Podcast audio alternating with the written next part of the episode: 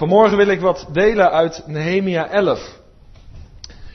En het is vandaag Israël zondag. Dus ik wil ook daar iets over zeggen. Over de plaats van Jeruzalem in het verleden, in het heden, in de toekomst. En ik kan slechts een enkele gedachte hier uithalen. Maar ik wil het ook plaatsen in het kader van de Israël zondag. En we hopen straks de maaltijd van de Heer te hebben. En daarom zal het uh, hopelijk ook wat korter zijn dan gemiddeld. Zodat we ook in alle rust de maaltijd van de Heer kunnen ervaren, beleven met elkaar. Dus een enkele gedachte wil ik delen uit Nehemia 11. Ik lees de eerste versen helemaal en daarna haal ik er wat gedeelten uit. Het gaat uiteindelijk, en dat staat ook in de herziene statenvertaling boven dit gedeelte, wonen in Jeruzalem en daarbuiten. Waarom was Jeruzalem nou zo belangrijk en waarom is Jeruzalem zo belangrijk? En waarom wilde men er nou wel wonen, maar wat hield men nou ook tegen om in Jeruzalem te gaan wonen? En daar wil ik iets over delen. We lezen in het eerste vers van Nehemia 11 het volgende. De vorsten van het volk woonden in Jeruzalem. Maar de rest van het volk wierp het lot om één op de tien van het volk naar voren te brengen, om in Jeruzalem, de heilige stad, te gaan wonen. En negen op de tien in andere steden. En dan komt er ook een belangrijke tekst. Het volk zegende alle mannen die zich vrijwillig aanboden om in Jeruzalem te wonen.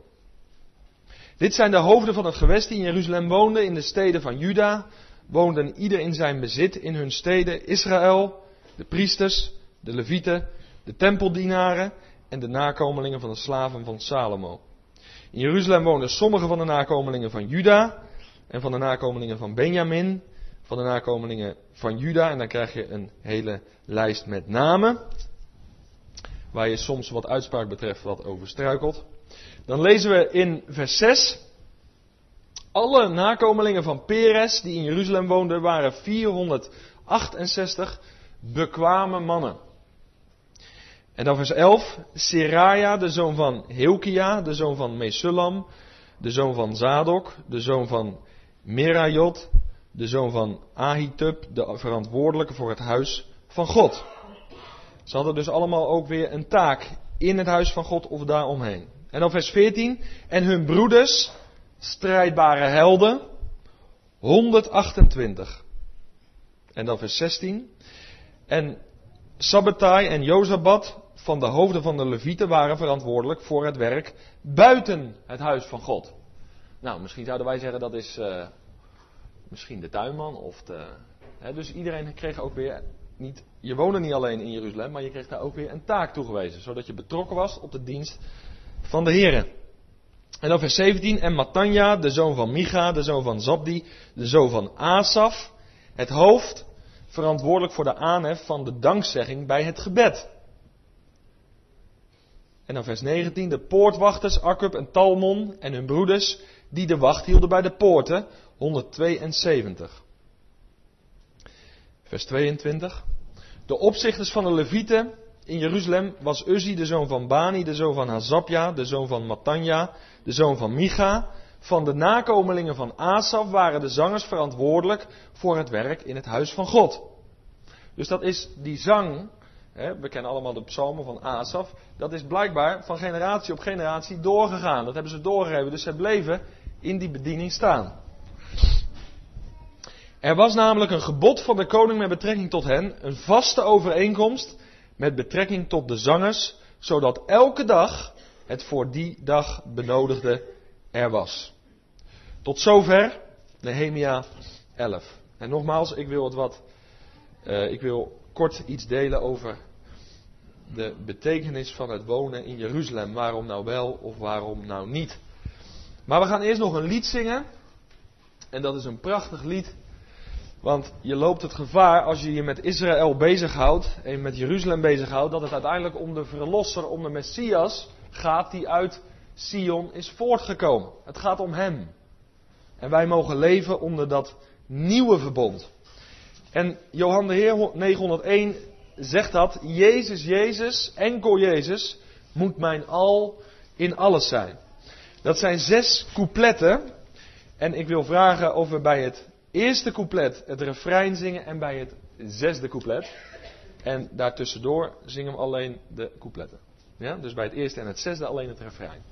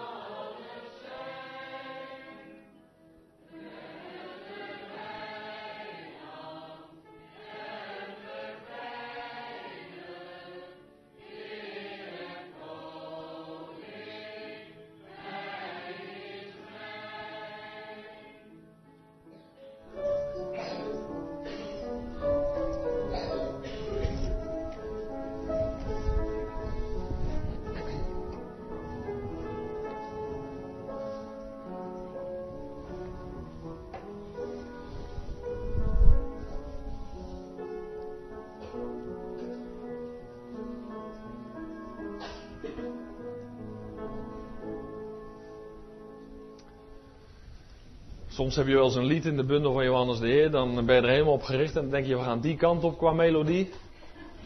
En dan start je en dan ga je denk je die kant op.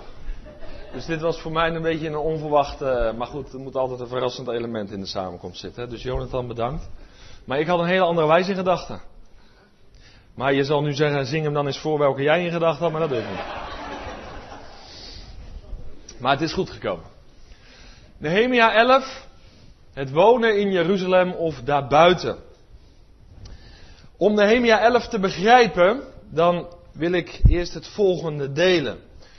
Al heel wat zondagen terug hebben we nagedacht over dat er inmiddels twee groepen waren teruggekomen. Wie weet nog de eerste groep, onder leiding van wie?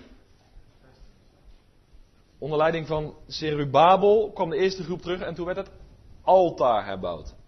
De tweede groep kwam terug onder Ezra en toen werd de tempel herbouwd. En in Nehemia zien we dus de derde groep die terugkomt onder leiding van Nehemia en toen zijn de poorten en de muren herbouwd.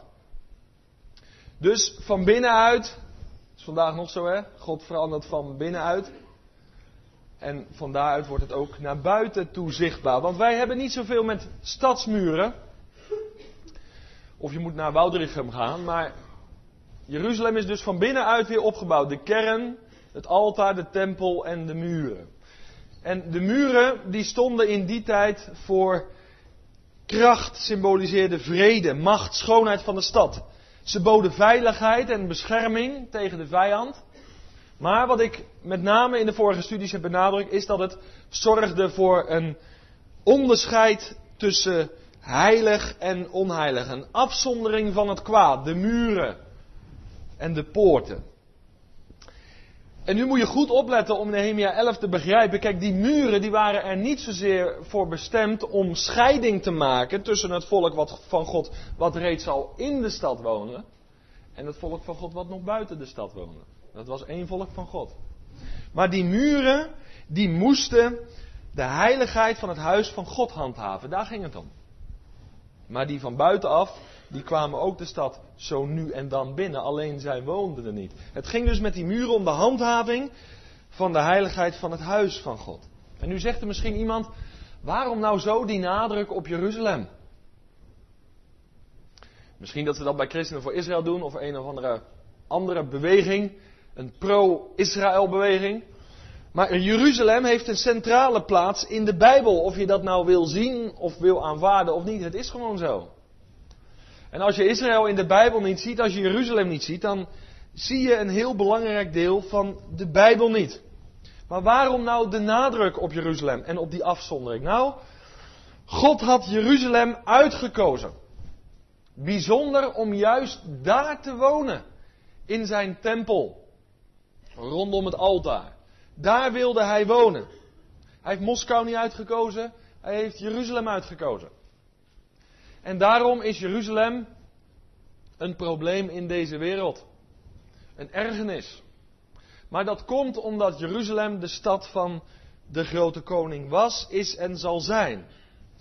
En Jeruzalem werd en wordt ook wel de burcht Sion genoemd. En daarom lees je in de psalmen, ik zal straks nog wat lezen, zie je ook dat Jeruzalem vaak niet Jeruzalem in de psalm wordt genoemd, maar Sion. Nou, dat was ook een naam. De burcht Sion is een andere naam voor Jeruzalem. En later werd de naam Sion ook speciaal gebruikt voor de Tempelberg. De berg Sion, de burg Sion. We hebben het over Jeruzalem. Dus het is heel belangrijk, want anders begrijp je niet waarom doen ze nou zo ingewikkeld in Nehemia 11 over dat wel of niet in Jeruzalem wonen. Nou, het ging om de stad van de grote koning. De God van Abraham, Isaac en Jacob heeft Jeruzalem uitgekozen. Als plek waar hij wil wonen, als plaats waar hij wil wonen. En daar wil hij zijn volk graag bij zich hebben, dicht bij het heiligdom, dicht bij het altaar. Jeruzalem. Sla eens op Psalm 87.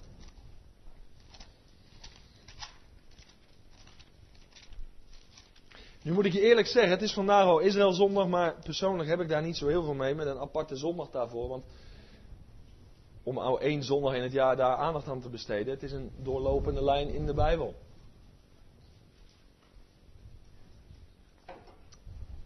Dat geldt net zo goed als een zondag voor de vervolgde kerk. Wij hebben allemaal dingen ingevoerd en het is goed om eens een keer aandacht aan te besteden. Maar het zijn allemaal lijnen die gewoon doorlopen.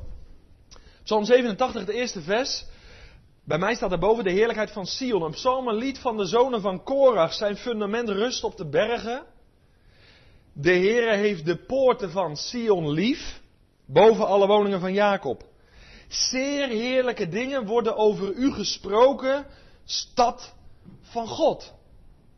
Nou, en als je nou doorbladert een paar bladzijden verder naar Psalm 132. Ik haal zomaar even wat aan. Want dan zie je, en dat wil ik eerst duidelijk maken, dat Jeruzalem, dat Israël een centrale plaats heeft in de Bijbel. En vandaar ook dat het heel belangrijk is wat er in Nehemia 11 gebeurt. Wie gaat er nou wel wonen en wie niet? Wie verplicht? Maar er zijn er ook die gaan er vrijwillig wonen. En God verlangt van ons vandaag vrijwillige toewijding. Hier was het nog onder het oude verbond, hè, wetten en regels. Maar kom straks bij het nieuwe verbond. Dan gaat het over vrijwillige toewijding.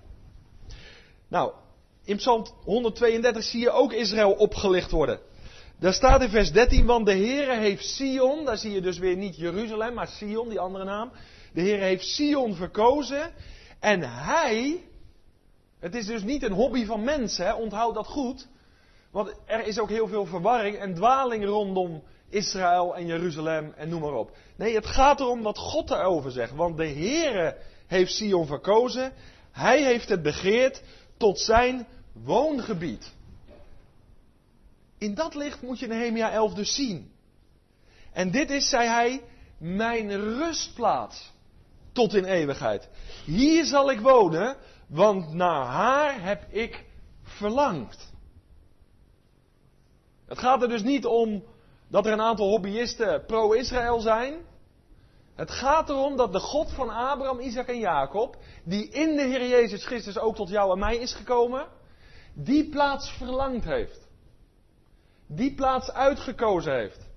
En in Nehemia 11 gaat het dus ook, wie gaat daar nou wonen en wat ga je in die stad doen? Dat is belangrijk. Jeruzalem is namelijk de enige stad ter wereld die God genoemd heeft mijn stad.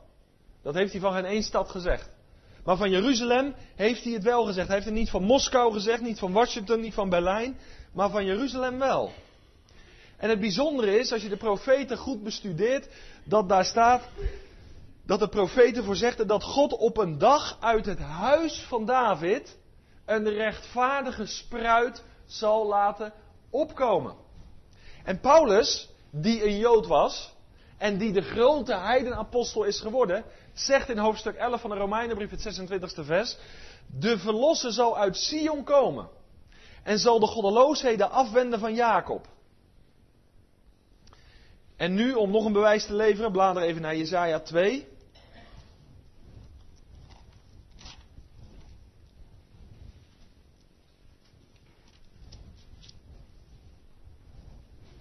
Die verlosser die zal uit Sion komen, die rechtvaardige spruit. Wie is dat? Dat is de Messias, de Heer Jezus Christus, die reeds gekomen is. En waarvoor ik bid dat de ogen van de Joodse mensen daarvoor opengaan. Want er is geen andere weg tot de Vader dan door Jezus, ook voor hen niet.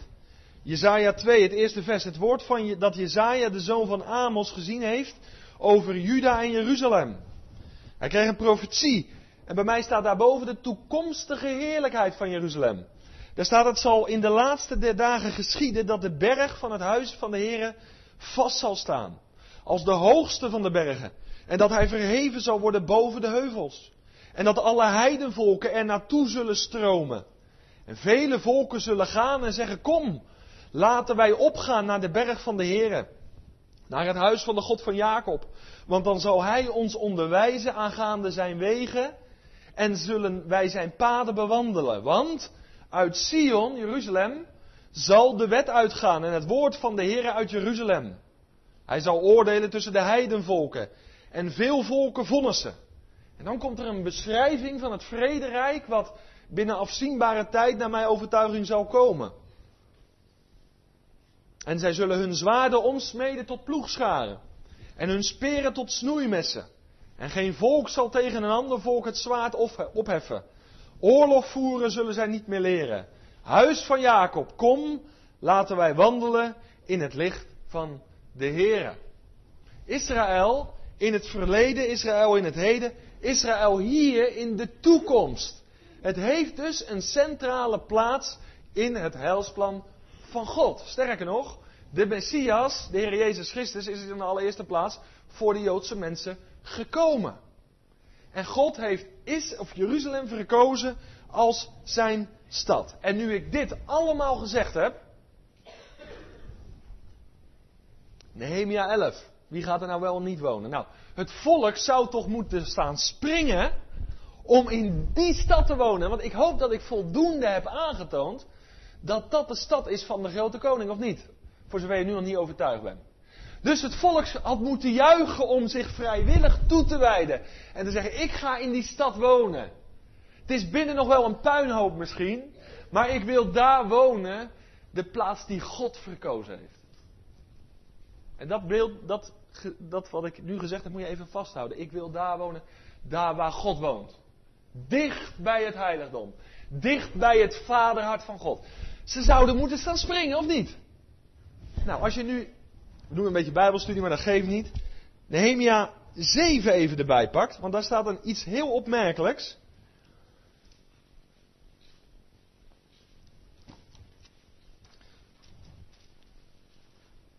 En alles wat ik nu zeg heeft met Nehemia 11 te maken, voor zover je zorgen begon te maken. In Nehemia 7 staat in het eerste vers, en het gebeurde toen de muur herbouwd was, dat ik de deuren plaatste en dat de poortwachters, de zangers en de levieten werden aangesteld. Dus het is, het werk van de muren en de poorten is klaar. Maar dan vers 4. De stad was wijd uitgestrekt en groot, maar er woonde weinig volk en er waren geen huizen gebouwd. Dus aan de ene kant heb ik heel duidelijk uiteengezet de stad van de grote koning. Maar Nehemia getuigt, die poorten en die muren die zijn herbouwd, maar binnen, ja, als je daar voor luxe kwam en voor wilde en ik ga het comfortleven leiden in Jeruzalem, dan was je aan het verkeerde adres.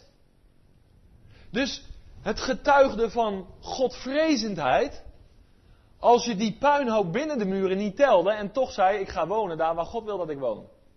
Voel je dit? Ik hoop dat je dit pakt, daar gaat het om. De stad was wijd genoeg, er was plaats voor iedereen. Ze konden allemaal terugkeren. Ze konden zich vrijwillig toewijden. En zeggen, ik ga daar wonen in het heiligdom. En die puinhoop, ach, dat gaan we samen bouwen. Binnen de poorten.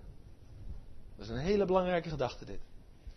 Jeruzalem was dus niet de gewenste stad, maar het was de verlaten stad.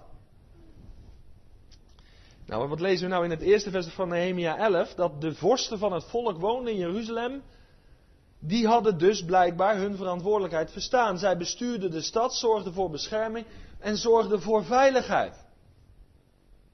Dus die oversten, die bestuurders, die waren wel teruggegaan. En daarbij een deel van het volk. Maar een overgroot deel van het volk woonde gewoon nog buiten de poort op het platteland.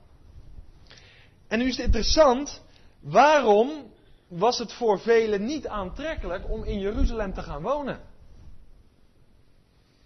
Als Jeruzalem altijd is neergezet als de stad van de God van Abraham, Isaac en Jacob. Ik heb gezegd, ze zouden moeten staan juichen om toe te treden. En ze deden het niet. Nou, Jeruzalem, zegt dit gedeelte, was een heilige stad. Een heilige stad. En Jeruzalem is dan ook alleen aantrekkelijk voor gelovigen die dicht bij God leven. Er was in die stad geen ruimte voor het vlees. Geen ruimte voor de zonde. Dicht bij het altaar. Dicht bij het heiligdom van God. Dus je maakte wel een keus. Op het platteland kon je misschien nog aardig jouw ding doen. En je ging zo nu en dan naar de tempel toe. Maar dicht bij dat heiligdom van God. Ja, daar wordt het vlees niet geaccepteerd. En dat moet je willen natuurlijk, hè? En blijf rustig zitten, kom zo op ons leven uit. Want het is nog oude verbond, hè? Maar straks het nieuwe verbond. Het tweede, wonen in die stad, wonen dicht bij God.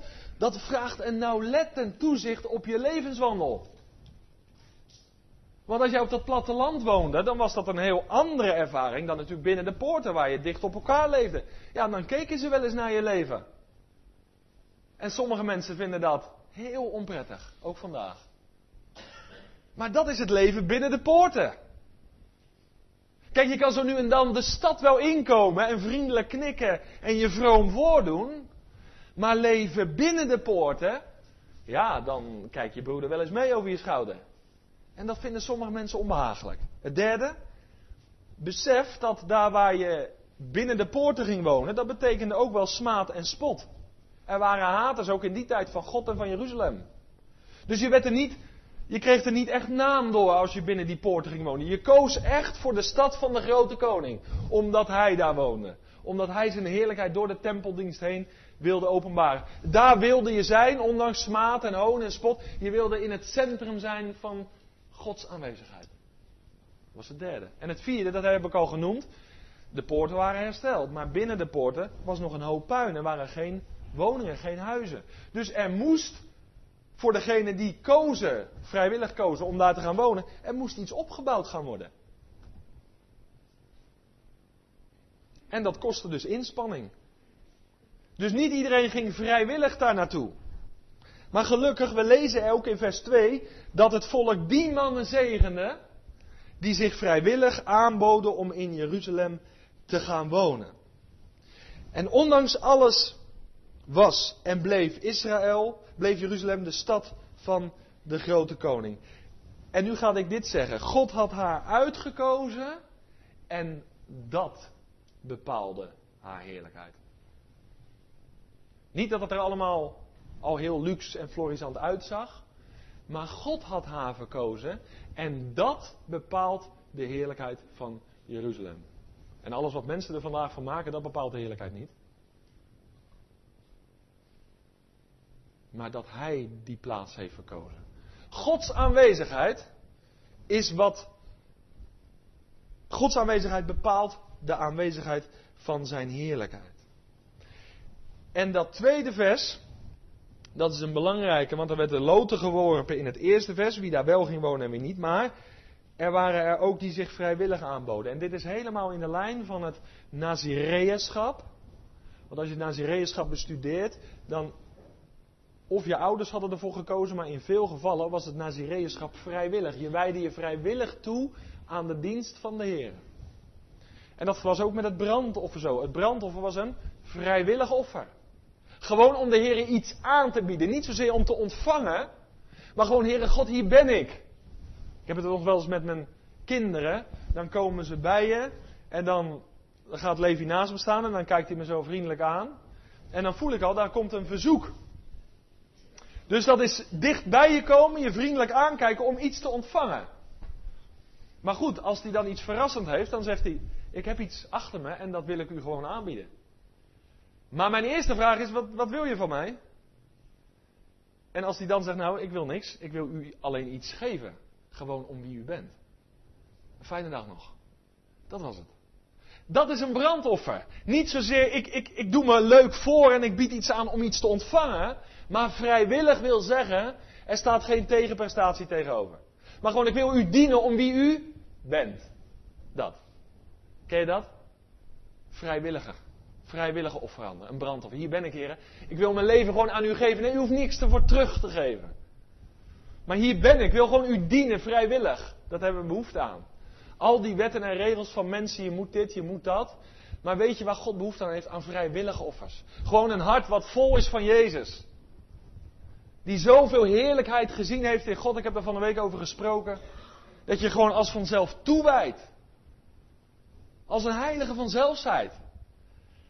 Dat die waren er dus ook in Jeruzalem. Nou, nou ga ik naar mijn laatste gedachte. Leven onder het nieuwe verbond. Dit was allemaal oude verbond. En die in Jeruzalem gingen wonen, kan ik nou niet allemaal op ingaan, maar die kregen allemaal weer een taak. En onder het nieuwe verbond daar wordt de gemeente van de Heer Jezus ook vergeleken met een stad. Openbaring 21. De gemeente is ook een stad. Onder het nieuwe verbond zijn de gelovigen en de gemeente collectief, die worden vergeleken met een tempel. Jij en ik zijn een tempel. Wij hebben dus niks meer met die stenen muren. En ik kwel dus ook niet met, bij een stenen tempel of zo. Nee, onder het nieuwe verbond leven we door de kracht van de Heilige Geest. In en vanuit Jezus. En dan is dit de tempel geworden. Hij woont door zijn geest in mijn hart. En onder het nieuwe verbond geldt, ik zal mijn wetten in hun verstand geven. En ik zal die in hun hart schrijven. Ik zal hun tot een God zijn en zij zullen mij tot een volk zijn. Hebreeën 8. En in onder het nieuwe verbond leef ik niet meer door de wet, maar dan leef ik door de kracht van de Heilige Geest. Mozes heeft het volk niet in Canaan gebracht, maar dat heeft wie gedaan? Jozua. De wet brengt ons niet in de heerlijkheid bij God, Jezus heeft dat gedaan. Hij is de vervulling van het wetboek van God. In Hem zien we de vervulling. Dat is leven onder het nieuwe verbond. En ik ben van de week in veel steden geweest. En hoofdzakelijk was daar geen interesse in de boodschap van het evangelie. Maar ik heb gisteravond in Nieuw-Lekkerland iets gedeeld over Johannes 1, vers 14. Wij hebben de heerlijkheid van God gezien in de Heer Jezus Christus. Een heerlijkheid als van de enige geborene van de Vader, vol van genade en vol van waarheid. Ik ben nog steeds bij Nehemia 11. Er boden zich mensen vrijwillig aan om in de stad van God te gaan wonen, Jeruzalem. En ik vraag je vanmorgen, heb je heerlijkheid in Jezus gezien? Leven onder het nieuwe verbond. Dat is leven door de kracht van de Heilige Geest. En dat is de Geest die niet zozeer allerlei manifestaties in mij openbaar maakt. Maar in de eerste plaats, die leidt mij in de waarheid. Die brengt mij dichter bij het Vaderhart van God. Door wie? Door de Heer Jezus Christus. En wat is de plek die u, jij en ik moeten begeren als we wederom geboren zijn? Dat is dicht leven bij het Vaderhart van God. Vrijwillige toewijding aan Hem.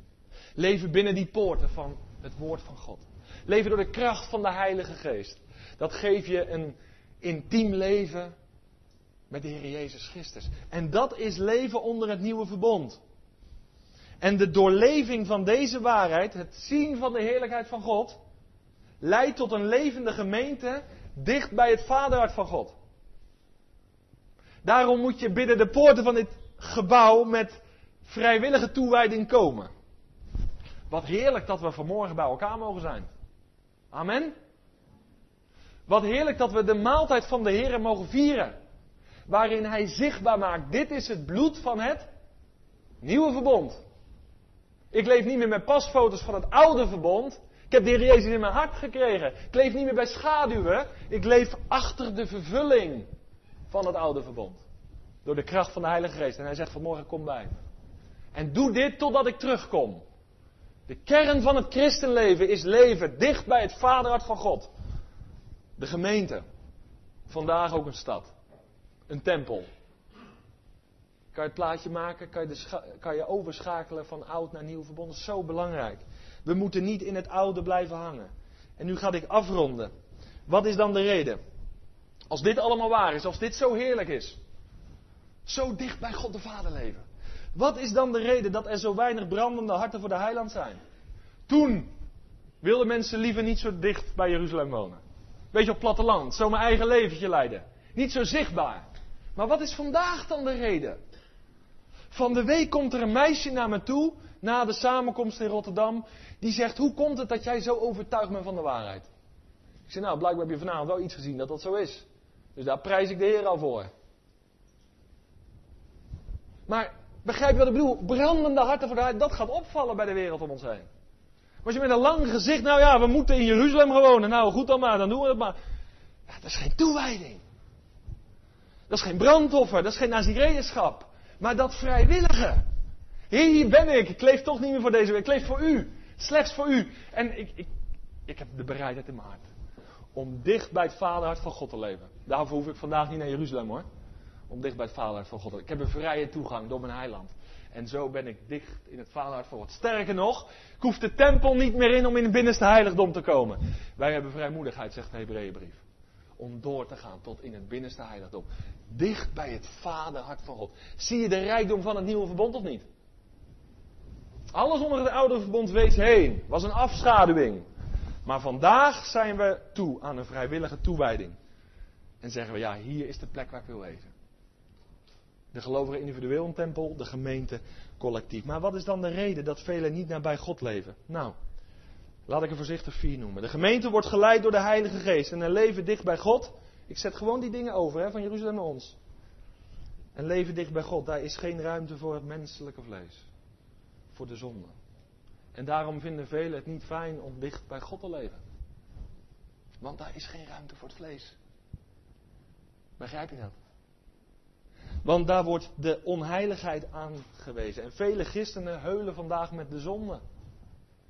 En daarom is de gemeente voor velen niet interessant. En willen ze niet zo dicht bij het vaderhart van God leven. Want daar waar ik in het licht wandel, dan ga ik de duistere plekken in mijn leven ontdekken. Maar prijs de Heer ervoor. Want daar waar je duisternis in je leven ontdekt, kan je er afstand van doen.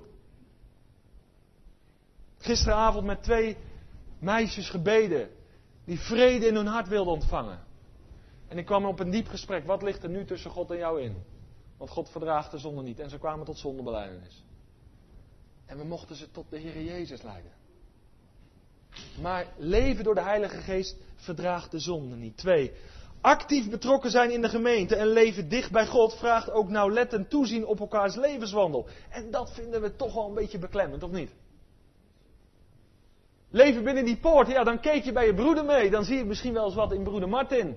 Dan zegt Martin, dat was toch niet onze focus? We zouden toch met elkaar die kant op gaan. Je wijkt een beetje af, broeder. Dat vinden we niet fijn. Want laat mij mijn leven leiden. Waar bemoei je eigenlijk mee? Nee, maar dat is toezien op elkaar. Hé, hey, hebben we de focus nog helder? Ja, dat is leven binnen de poorten van de gemeente. En dat, een beetje benauwend, beklemmend. Maar dank God voor een broeder die jou weer op het pad brengt en zegt: hé, hey, dit was het doel. Dat is leven binnen de poorten. En daarom leven de mensen niet zo graag in het centrum van de gemeente, want ja, ik wil wel mijn eigen leventje leiden, joh.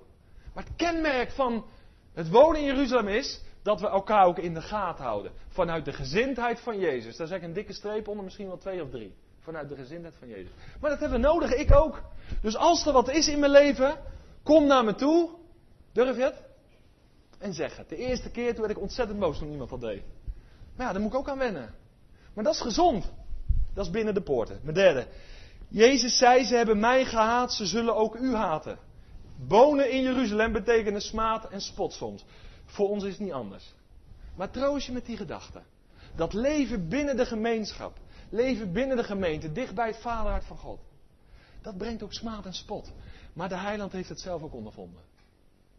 Maar de Bijbel zegt tegelijkertijd in Romeinen 8, vers 37: In hem zijn we meer dan overwinnen. Het is maar tijdelijk. Is maar tijdelijk. De heerlijkheid komt. Het vierde en het laatste. Wat was nou de diepste redenen, diepste reden van de Godvrezende toen om in Jeruzalem te wonen? Nou, dat verwoordt Psalm 122, hoef je niet op te zoeken. Vers 9 zo mooi. Omwille van het huis van de Heer onze God zal ik het goede voor u zoeken.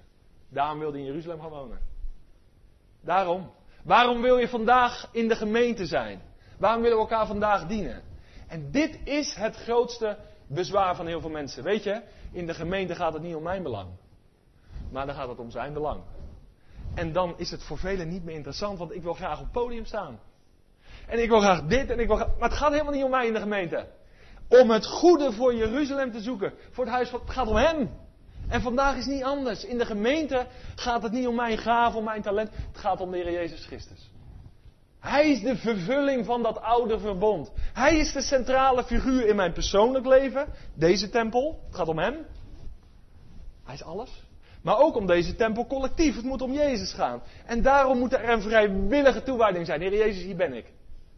Romeinen 12, vers 1. Ik mag mijn leven offeren als een levend klachtoffer. Dankoffer. Wat een heerlijk offer, hè? We mogen vanochtend offeren. We zijn priesters onder het nieuwe verbond. Gewassen en vervolgens actief. Nou, dat is bemoedigend voor morgen. En daar wil ik dan ook mee afsluiten. Want we gaan zo de maaltijd van de Heer vieren. En Jezus heeft gezegd in Matthäus 28, vers 26, vers 28. Dit is mijn bloed, het bloed van een nieuwe verbond, dat voor velen vergoten wordt tot vergeving van zonde. En ik wil je dan ook oproepen. Zoals Nehemia in Nehemia 11 staat omschreven. Dat daar mannen zijn die geprezen werden bij het volk vanwege hun vrijwillige toewijding. Om je leven als een levend dankoffer aan God te offeren. Dan gaat hier wat gebeuren. Jezus is gekomen om te dienen en zijn leven te geven voor velen. Zullen we hem navolgen? We gaan zo zijn dood gedenken. Laten we dat heel bewust op ons inwerken. Dat is het enige middel waardoor wij weer in het heiligdom bij de Vader kunnen komen. Leven onder het nieuwe verbond vanuit het bloed van Jezus. Maar laten we ook elkaar dienen. Binnen de poorten. Misschien ligt er nog wel een hoop puin hier. Maar schrik niet terug. Geef jezelf. Jij bent onderdeel van de gemeente. En je bepaalt individueel voor een groot deel hoe het hier gaat. Misschien zie je er tegenop, maar binnen die poorten. Door uw wil te doen, Heer, leer ik om vrij te zijn. Amen.